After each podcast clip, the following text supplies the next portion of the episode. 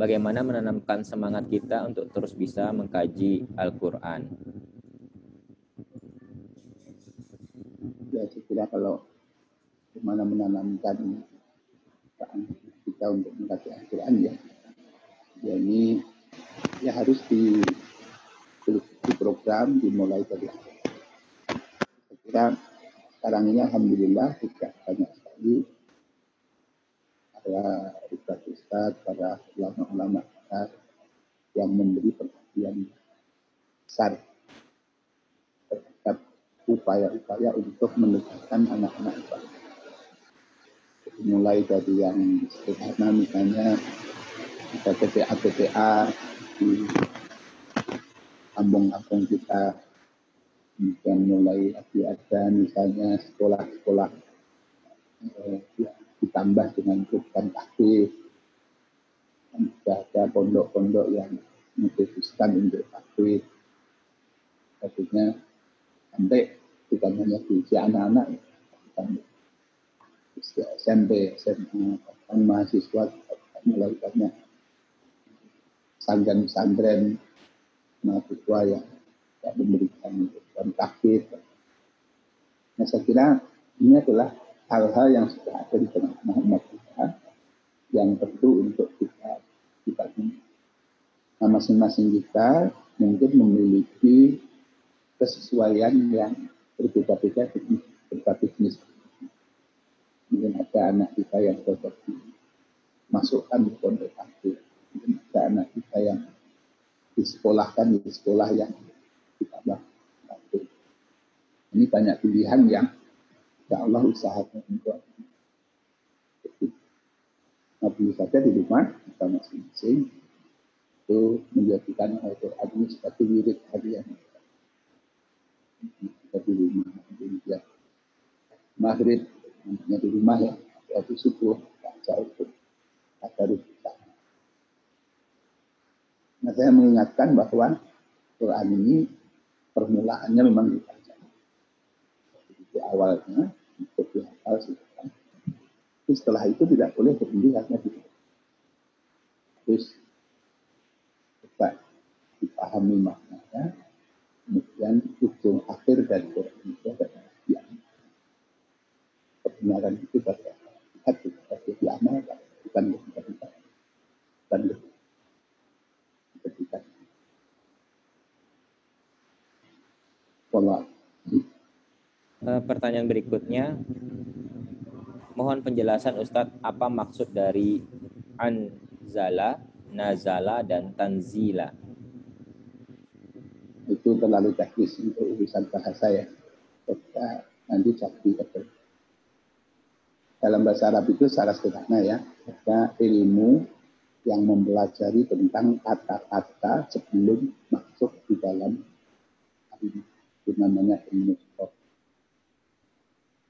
Mudoroh ini adalah ilmu yang mempelajari tentang kata-kata, dan kata-kata dikontekskan dengan tambahan, pengurangan, perubahan bentuk.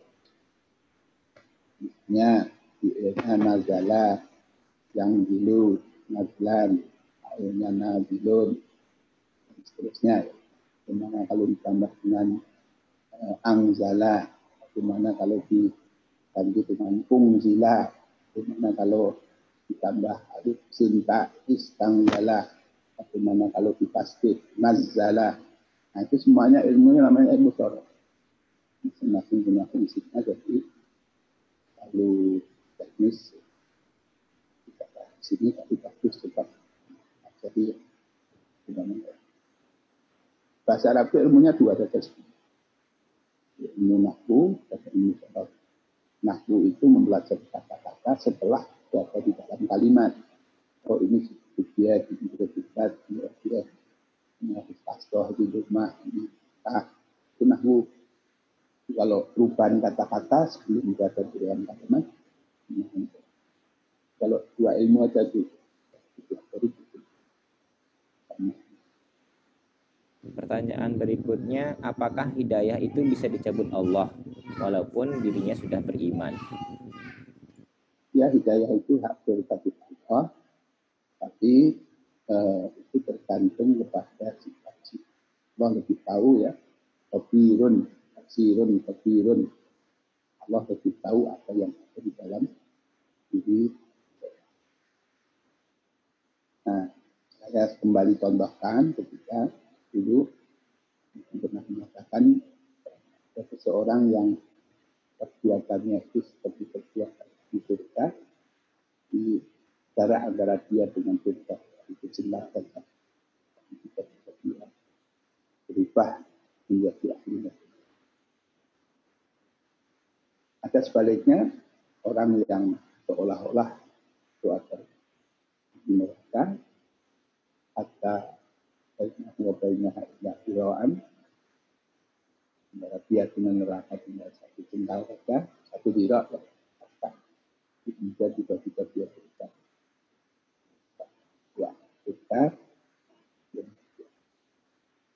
nah dibalik perubahan-perubahan yang penting pada waktu-waktu yang kritis itu ada Allah. Lebih tahu orang saya ini adalah memberi takdir. Di situ memberi tanda.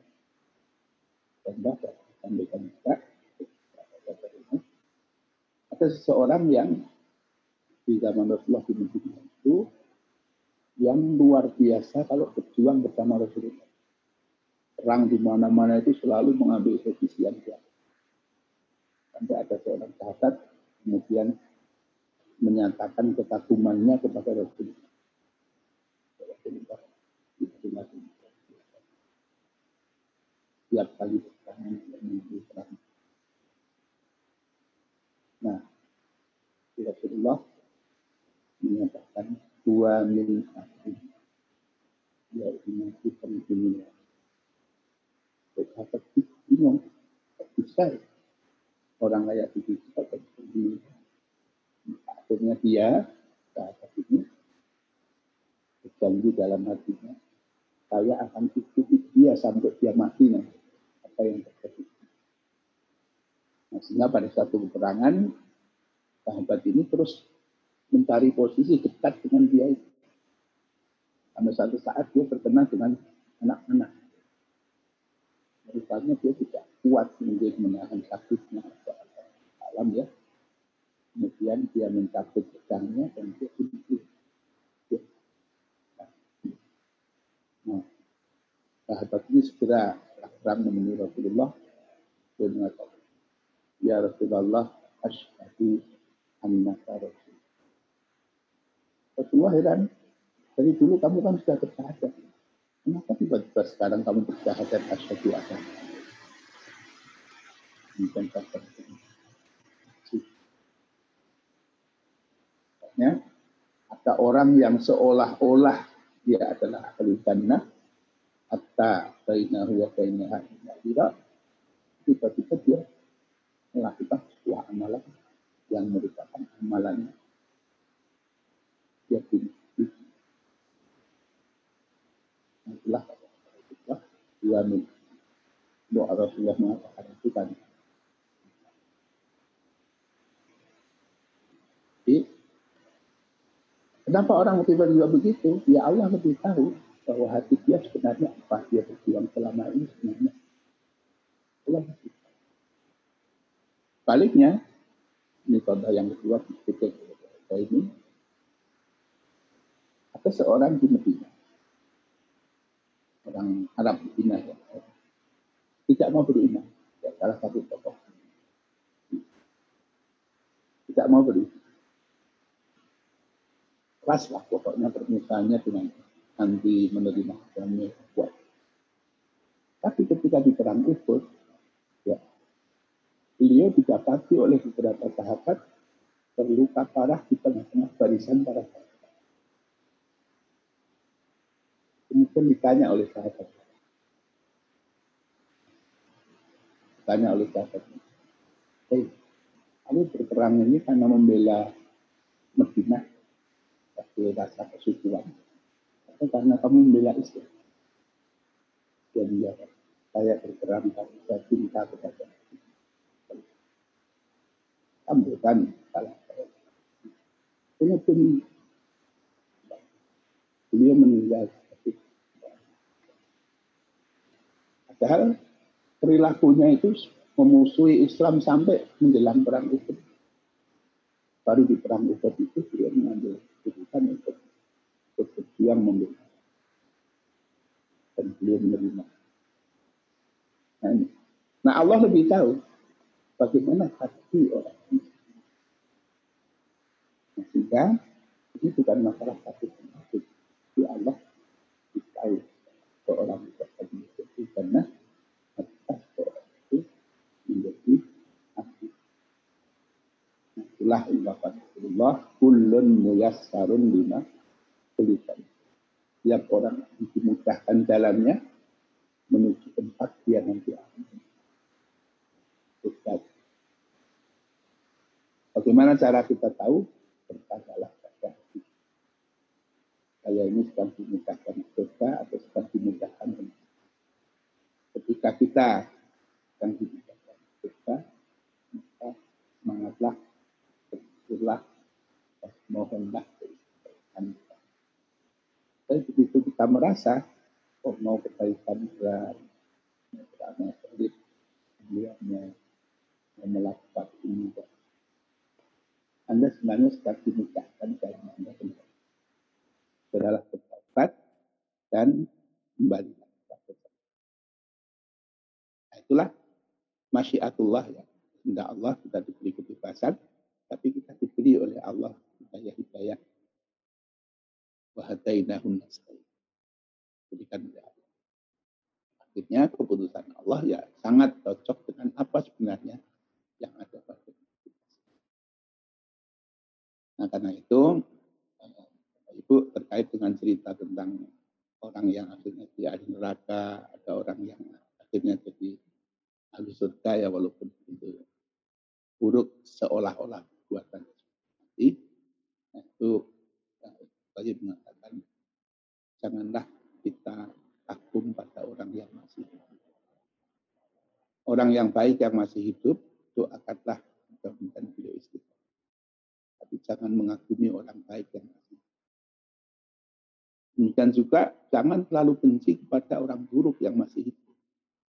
Doakanlah agar dia mendapatkan. Kalau kita mau belajar tentang kebaikan, belajarlah dari orang yang sudah mati. Karena mereka itu orang-orang yang sudah uh, riwayatnya sudah sudah selesai, tidak ada perubahan. Allah.